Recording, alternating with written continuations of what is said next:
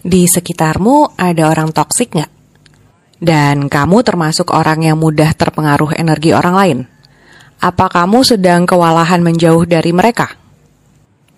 Kamu tidak bisa meminta orang lain berubah, berperilaku seperti yang kamu mau, atau berhenti menjadi toksik.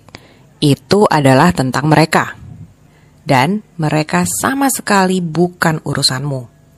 Yang bisa kamu lakukan adalah melindungi pikiranmu supaya tidak terkontaminasi energi siapa pun. Kamu bisa memperhatikan emosi yang muncul dan mengatur responsmu terhadap hal itu. Kamu juga bisa segera melupakan hal itu, karena bagaimanapun itu sudah berlalu. Fokus hanya pada yang di dalam sekarang, karena hidup ini adalah tentang dirimu. Yuk, sadar yuk!